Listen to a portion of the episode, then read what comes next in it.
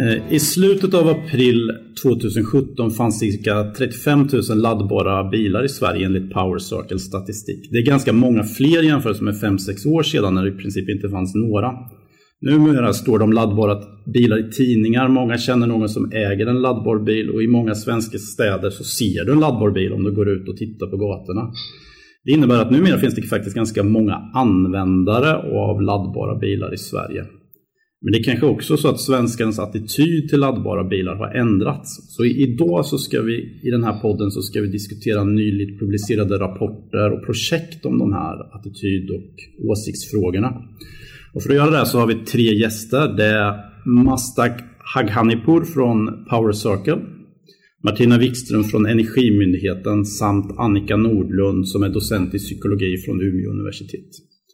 Ni lyssnar på nyhetsbrevet om Evis podd och mitt namn är Magnus Karlström och jag är redaktionschef.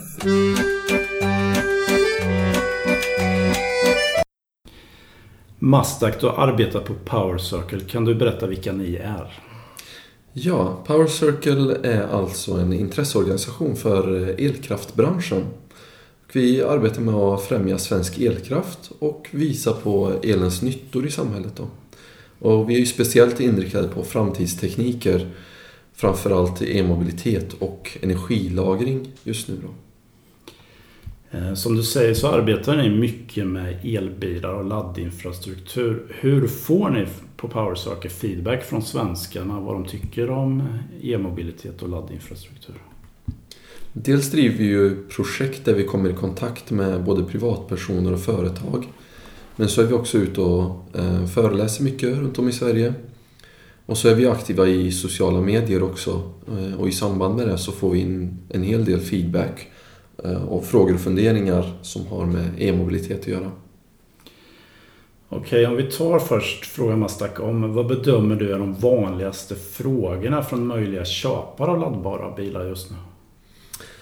Om vi börjar för några år sedan när de här, eh, Eh, den här generationens elbilar kom då så var det ju mycket mm, skepsism runt elbilen. Eh, man trodde inte riktigt på att eh, den dög för att ta dig från punkt A till punkt B. Den kom inte upp i rätt hastighet, den såg plastig ut och den var väldigt liten. Så då var det mycket frågor kring, kring det och mycket kring säkerhet också. Nu när bilarna har utvecklats så har också eh, frågorna och funderingarna utvecklats. Ehm, man är ju lite mer påläst nu eh, och förstår lite hur elbilen funkar. Eh, däremot så har man ju mycket frågor kring eh, livscykelperspektivet Alltså well to wheel, hur, mycket, hur miljövänlig är elbilen egentligen? Från produktion till användning och slutligen till återvinning. Då. Sen undrar man ju också kring laddningen, om hur man laddar på ett säkert sätt och om elnätet kommer att hålla för en massintroduktion av elbilarna. Okej, om vi går över lite och tänker att de befintliga användarna av laddbara bilar, vad är det för typ av frågor de har mer till er? Ja, de eh, befintliga användarna de är ju väl införstådda och övertygade om att elbilen är ju här för att stanna. Eh, de funderar kring framtiden mer. Eh, hur, kommer, hur stora kommer batterierna vara? Och eh, hur snabbt behöver man kunna ladda då i framtiden? Räcker det med 50 kW? Eller behöver man gå över till 150 eller 350 som vissa biltillverkare pratar om? Och hur kommer det påverka elnätet då? Eh, dessutom så, vad kommer det innebära i kostnader att bygga upp sån laddinfrastruktur i samhället med så höga effekter? Martina, du arbetar på Energimyndigheten. Ni har nyligen släppt en rapport om vad svenskarna tycker om laddbara personbilar. Kan du berätta om bakgrunden och utformningen av den studien? Mm. Eh, syftet med den studien var ju att studera eh, uppfattningen och förståelsen om laddfordon. Eh, vi har ju flera statliga satsningar igång och det är också viktigt att man ser att man har en utbredd acceptans för de frågorna. Så det här eh, enkätundersökningen har då varit ett kunskapsunderlag eh, för vår styrning av vår verksamhet eh, till exempel. Men sen så är det också just viktigt att följa det här kunskapsuppbyggandet på området. Eh, vi ska introducera en, ett nytt tekniskt system, ett nytt fenomen Eh, och vi vill lite följa det här från att det liksom letar sig in i medvetandet till att det slutgiltigen blir ett realistiskt alternativ bland andra fordonsmodeller, ja, tekniker.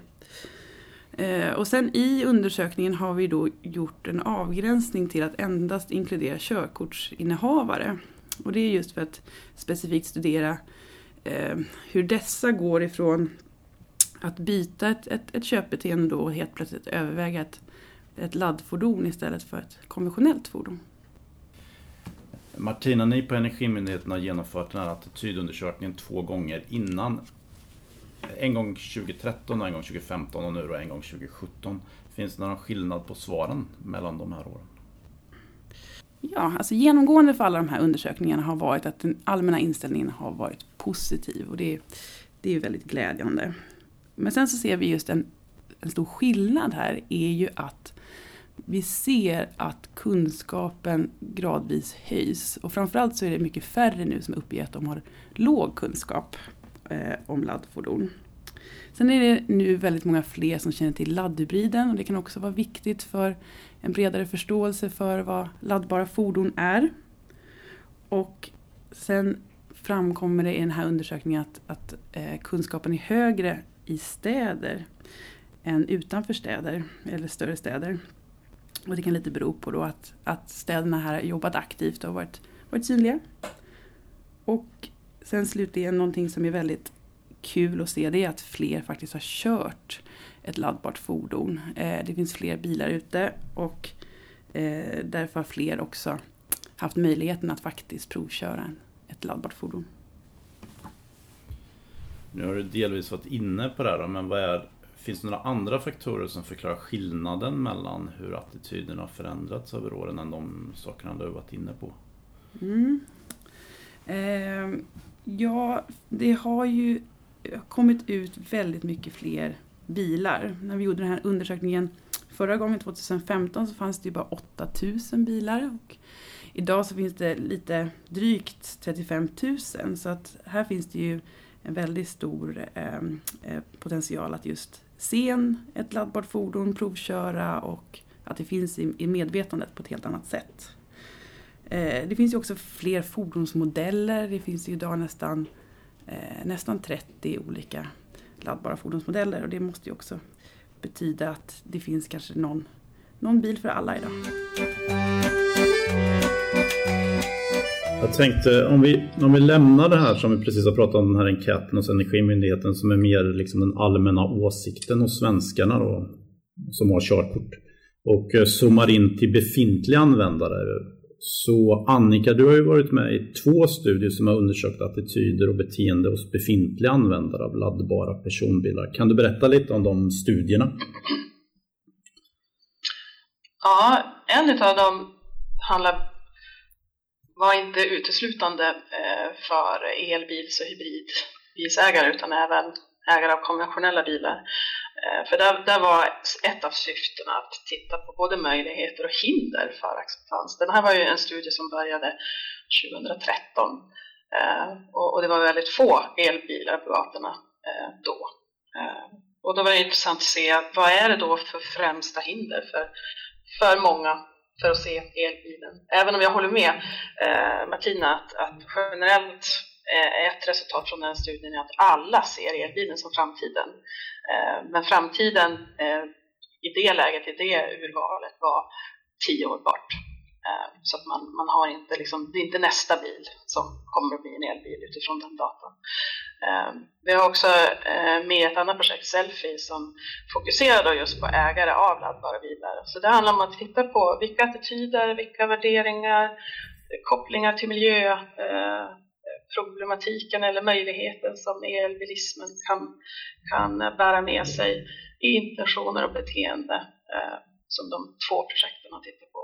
Det ena både möjligheter och hinder och det andra kanske då mer hos de som har tagit steget där det förhoppningsvis är färre hinder och fler möjligheter. Just det. Den här selfie-studien, kan du berätta lite om urvalet och när ni gjorde enkäten? Enkäten gjordes 20, nu ska vi se, 2016. Mm.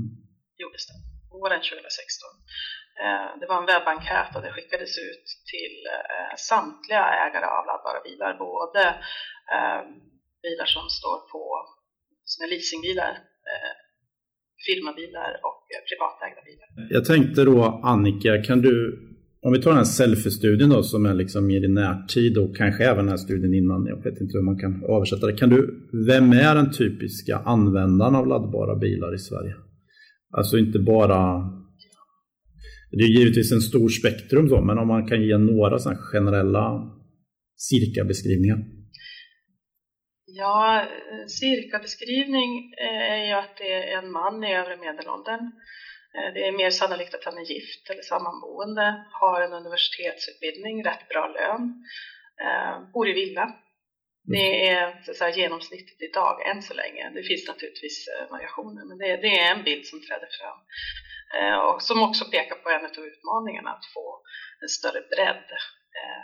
Det är än idag en ekonomisk fråga för många om man har råd att köpa en, en eh, laddbar bil. Men samtidigt så är det en, en person som är rätt lika alla andra. Eh, rätt öppen för förändringar, ehm, eh, tänker på kollektivet, tänker på miljön. Eh, känner att man har en förmåga att påverka branschen så att man känner sig som en opinionsledare som, som, är, som ägare av en laddbar bil. Eh, och vi, vi ser att erfarenheten av att äga en laddbar bil har varit positiv därför att det är positiva intentioner som, som anges för framtiden. Ehm, och eh, det som är intressant är att eh, eh, de som äger en, en laddhybrid vill fortsätta med det som nästa bil. Och de som har en, en ren batteribil vill fortsätta med det. Så att man, så att säga, vi ser inte så mycket intention att, så att säga, ta sig från det ena till det andra. Utan man, man har gjort ett val och man är nöjd med det. Precis.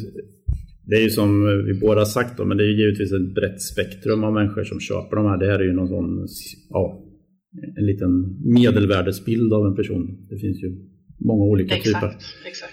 Men eh, jag tänkte jag skulle försöka zooma in lite på en fråga eftersom du har den här psykologbakgrunden och det är ju det här om det finns några attityder hos användare av laddbara personbilar som är lite speciella Eh, och du har gjort den här studien du pratade om innan, då var det en jämförelse mellan olika grupper också. Då var det ju de som ägde laddbara bilar, de som ägde alternativa bränslen och de som andra alternativa bränslebilar och någon mer vanliga bensin och diesel om jag kommer ihåg det rätt. Så då kan man också jämföra lite. Kan man, kan man säga någonting om liksom, ja, attityder hos de som äger laddbara bilar?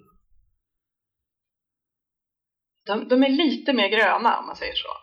De är lite starkare miljömedvetenhet, de är lite mer normativt styrda i sitt beteende. Men generellt kan man säga att nej, egentligen inte någon större skillnad. De är som folk är mest.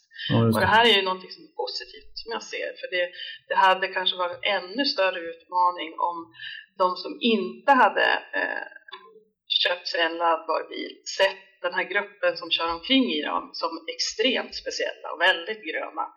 Eh, så det här tror jag är, är någonting som är, bra för framtiden. Men det vi ser generellt, eh, både hos eh, ladd, ägare av laddbara bilar och, och den övriga grupperna, eh, det är att eh, man resonerar normativt kring miljörelaterade beteenden där resande och val av drivmedel och val av bil tillhör och, och så att säga, fungerar ungefär samma som, som för andra relaterade beteenden, miljörelaterade beteenden som alltifrån energibesparing i hushållet till hur, vad man shoppar och vad man, eh, eh, hur man använder sin bil och så vidare. Och så vidare.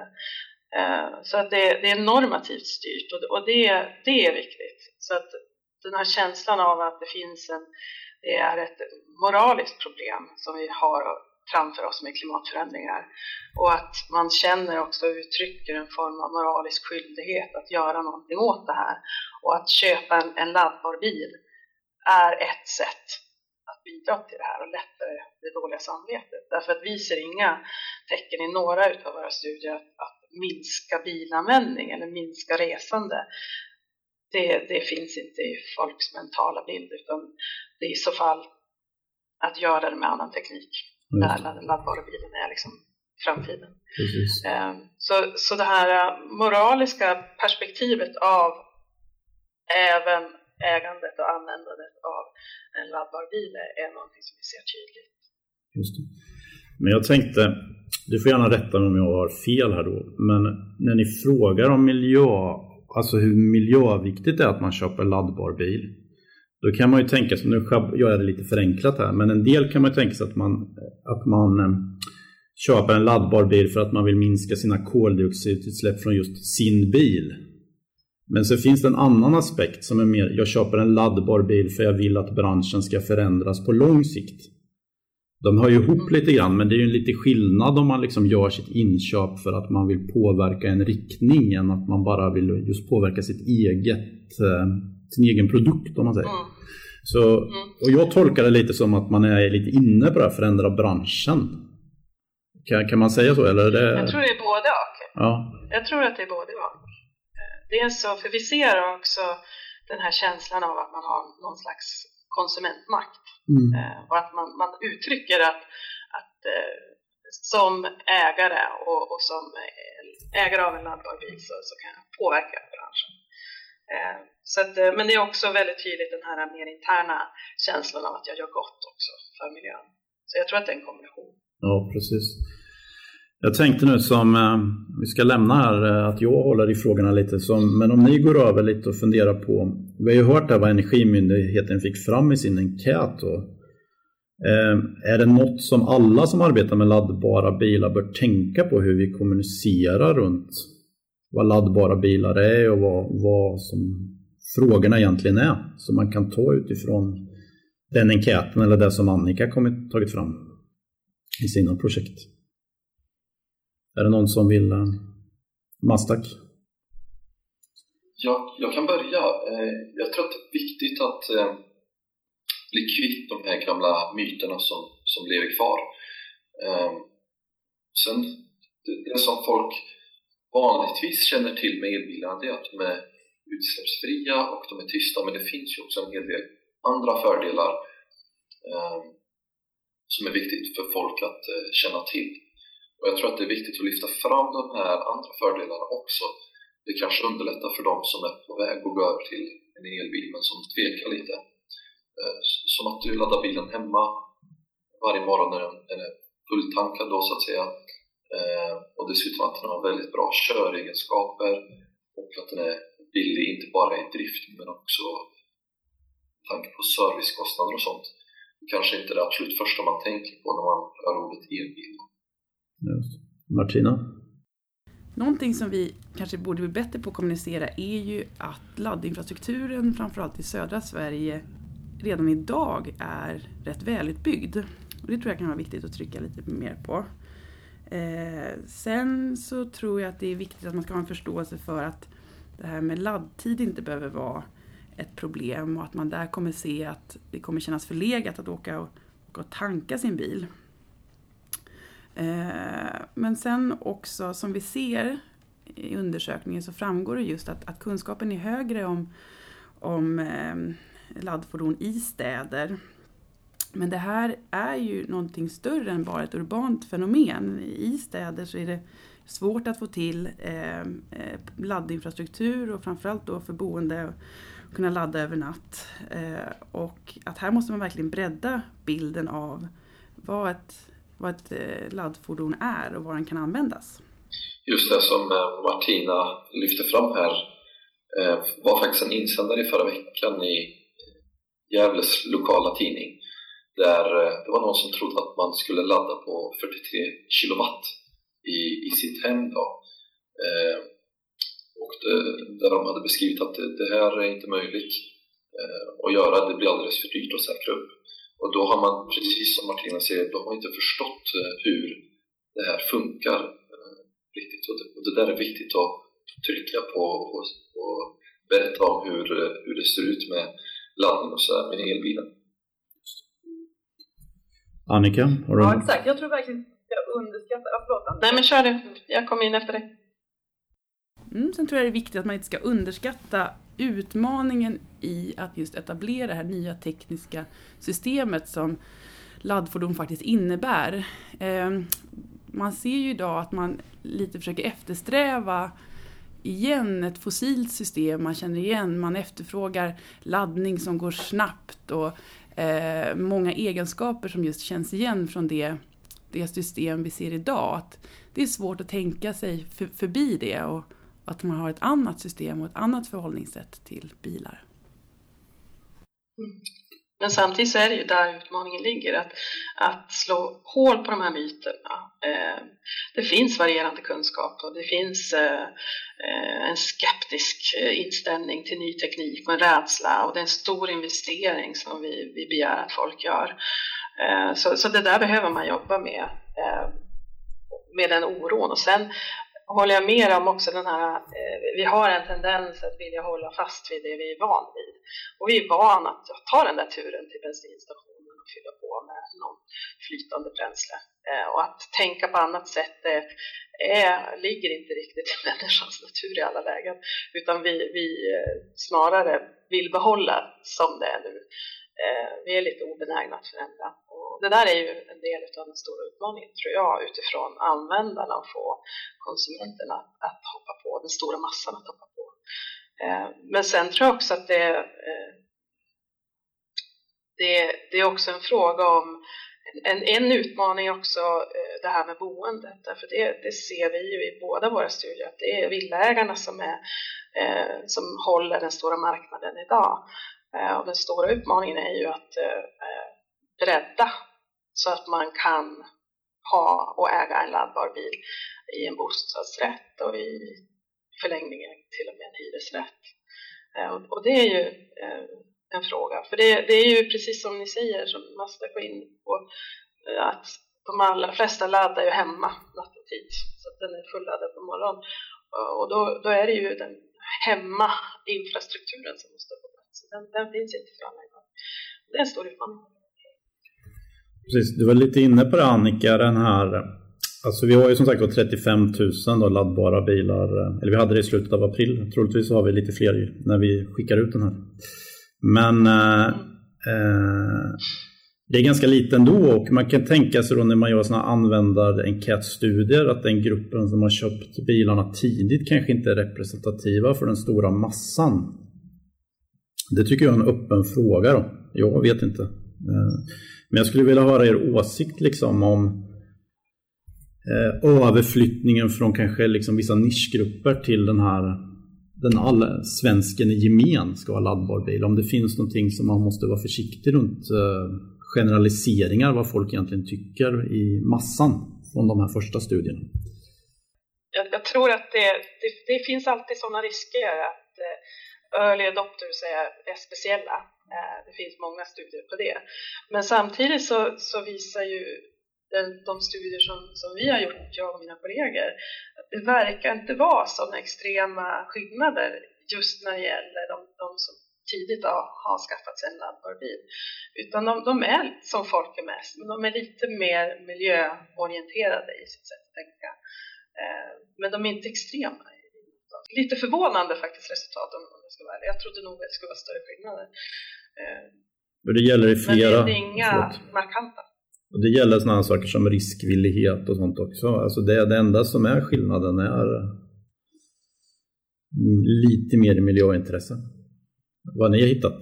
Lite mer miljöintresse, lite mer eh, snarare att se sig själv som en ledare än en följare.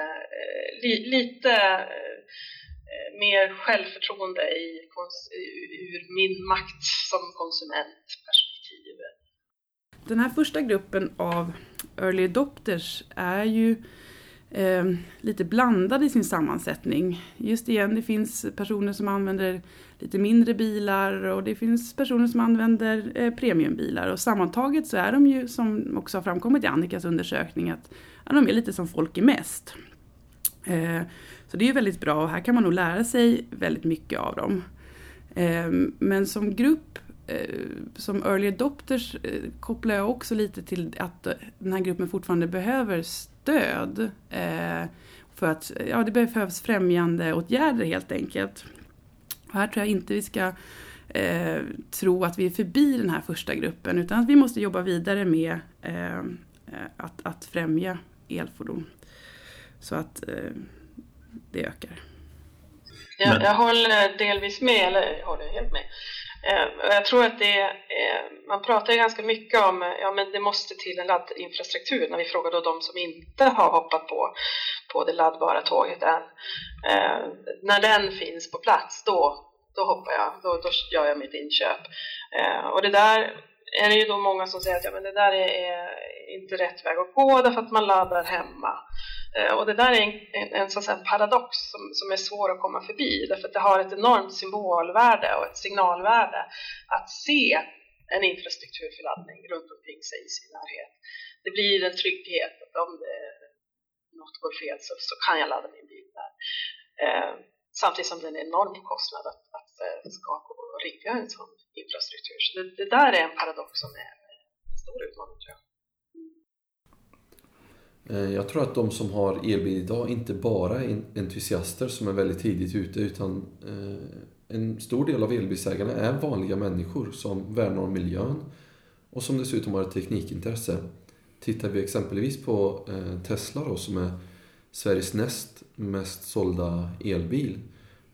De ägarna har med stor sannolikhet inte köpt Tesla för att eh, de är elbilsnördar eller entusiaster utan de har valt den här bilen för att det är en bra bil.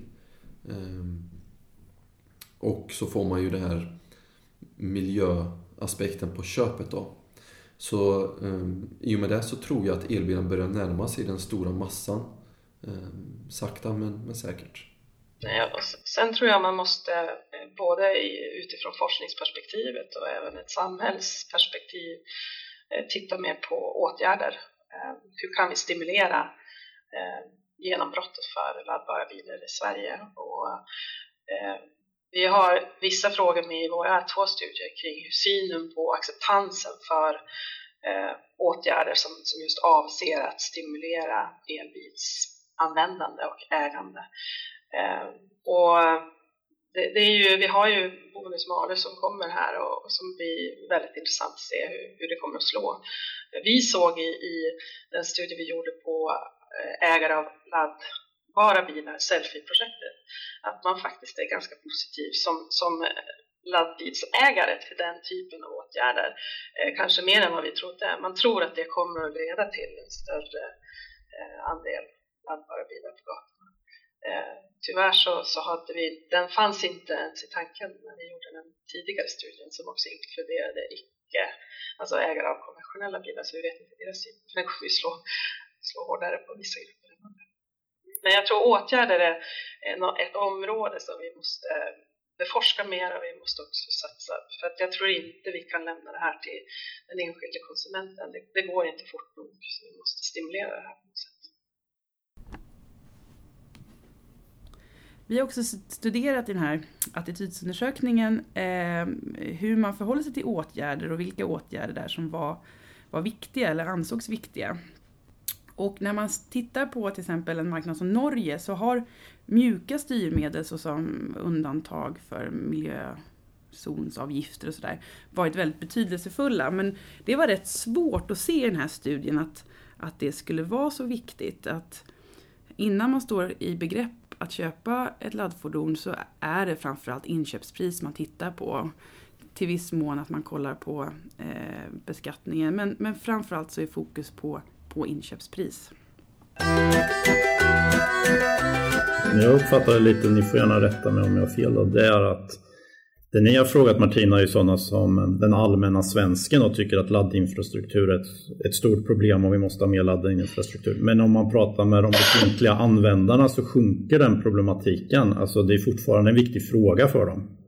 Men när man väl har vant sig att köra elbil och laddhybrid så så behövs fortfarande publik laddinfrastruktur men det kanske sjunker lite i betydelse hur viktig just den aspekten är för sitt framtida inköp.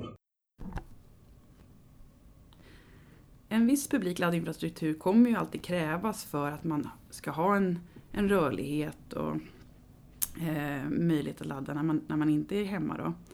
Eh, men det framgår rätt tydligt att personer med högre kunskap Eh, efterfrågar ju laddinfrastruktur i något mindre utsträckning. Att här ser man att, att personer med låg kunskap och även personer generellt ska jag säga i det här fallet eh, efterfrågar laddinfrastruktur i väldigt stor utsträckning. Eh, och varför kan man ju spekulera om, men här ser man en skillnad att, att känner man till lite mer och vet hur man använder ett elfordon eller ett laddfordon så efterfrågar man publik laddinfrastruktur i mycket mindre utsträckning. Men jag tror också i, i viss del så, så, är det där ett mentalt hinder som man använder. Alltså att man, man anger, man, man talar om elbilen som, som framtiden och självklart om tio år kommer jag att ha en laddbar bil, det säger många. Mm. Eh, men inte än. Och jag väntar, då hittar man på eh, någon eller några förklaringar och en av dem som jag tror man använder och är just att det, man väntar på att infrastrukturen, laddinfrastrukturen ska vara på plats. Eh, och det där är också en av myterna som vi måste jobba med, tror jag. Mm. Eh, för att det där blir någon form av, men jag behöver inte än, för att det där finns inte på plats. De har inte gjort det de behöver göra. Eh, och då behöver inte jag heller göra det än. Just. Det blir... Jag tror att det är lite upp till bilproducenterna också.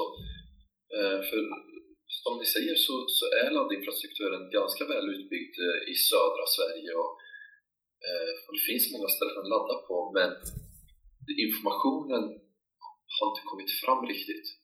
Alltså det finns elbilar idag som, som man sätter sig i och, och i navigationssystemen inte kan hitta eh, laddinfrastruktur utan man ser istället bensinstationer. Så att eh, eh bilproducenterna kanske inte har gjort sitt till 100% då. Nej, precis. Jag tänkte eh, om vi... Eller hade någon mer kommentar på detta innan vi går vidare? Nej.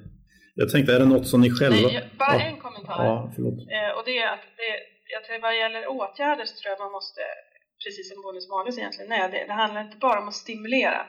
Man kan ju också gå andra vägen och se till att alternativen, eh, den konventionella bilen, inte längre är lika attraktiv. Så att eh, det, det högre priset på en laddbar bil är ändå värt det precis. Jag tänkte, är det något som ni vill fråga varandra om eh, respektive studie eller vad ni har sagt? De eh, subventioner eh, som, som finns i, i Sverige, eh, de ekonomiska incitamenten, hur, hur viktiga är de vid elbilsköpet? Är det det som har varit avgörande att man har köpt en elbil? Att man får den här supermiljöbilspremien?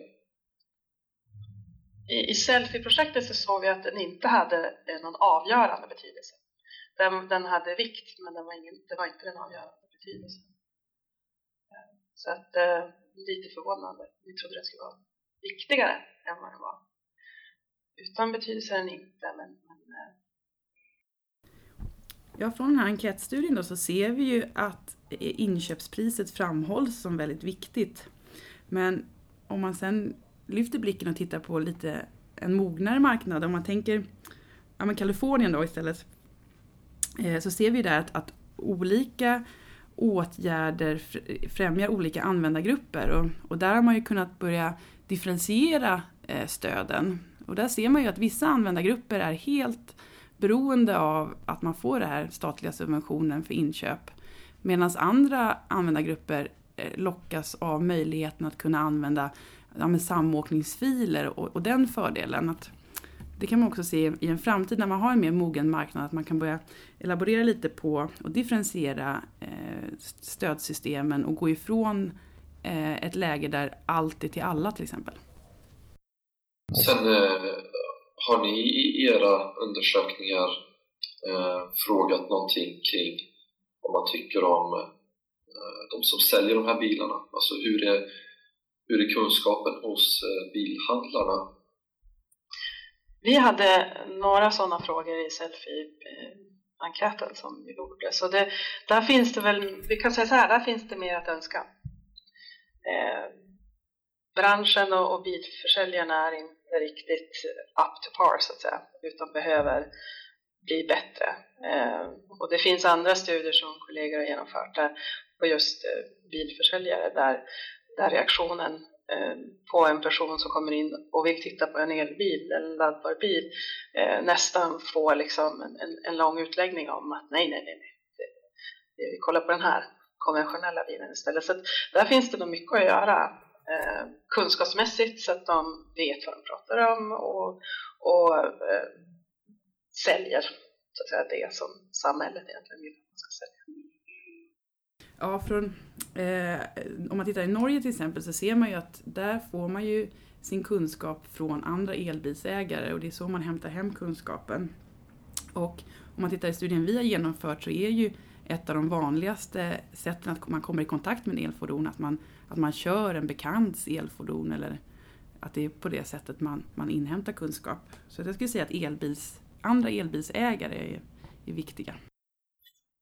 Det tror jag stämmer i Sverige också än så länge, även om, om våra siffror är så, det är så få än så länge. Men jag tror att det är där vi är. Det är inte från bilhandlaren du får stödet och pushas mot någon annan bil, utan du går in och vet att du vill ha en laddbar bil. Och trots bilförsäljaren så kommer du ut med en laddbar bil. Så där finns det nog mycket att jobba med, tror jag. Mm, jag tänkte lite om vi skulle lämna, eller fundera lite framåt vad vi behöver, vad är det för typ av forskningsfrågor vi behöver jobba med runt användare av laddbara bilar i Sverige? Ja, det är väldigt intressant att studera vidare vilka olika drivkrafter för förändring som det finns. Eh, och att, att eh, alltifrån lära sig från de eh, användare vi har idag men också se till hur vi, hur vi åstadkommer en förändring. Det vore intressant att se hur den publika laddningen fungerar eh, i verkligheten. Hur hittar elbilsförarna teknisk information och geografisk placering av publika laddstationer? Hur ofta används de här laddstationerna? Hur ofta stöter man på, på problem? Och eh, hur kan man underlätta för elbilisterna att ladda publikt? Det vore också intressant att se om elbilisterna eh, ser det som ett problem att det finns olika laddoperatörer och att man därmed måste ha olika kort för att starta laddningen. Ehm, hur funkar det här i verkligheten? Det vore intressant att veta mer om. Och sen tror jag återigen att titta mer på olika typer av åtgärder för stimulans eller, eh, eller bestraffning av det beteende man inte vill, vill se.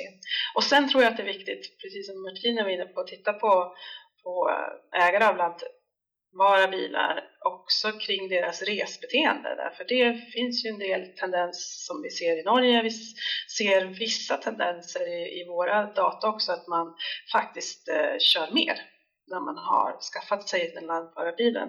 Och någonstans så handlar det i grunden om att ja, men nu har jag gjort, nu har jag inget dåligt samvete, jag har gjort min moraliska plikt, eh, så nu kan jag tuta och köra. Men, men bilism är ju inte bara koldioxidutsläpp, de gör är också trängsel och olyckor och, och eh, landanvändning, för markanvändning för, för vägar. Så det, det finns ehm, fler, många frågor här som man behöver Ehm, ja, men superbra. Tack så jättemycket för att ni medverkar i vår podd här. Det här är ett avsnitt från nyhetsbrevet om EV som är helt finansierat av Energimyndigheten samt Swedish Electromobility Center är värd för det här nyhetsbrevet. Tack så mycket!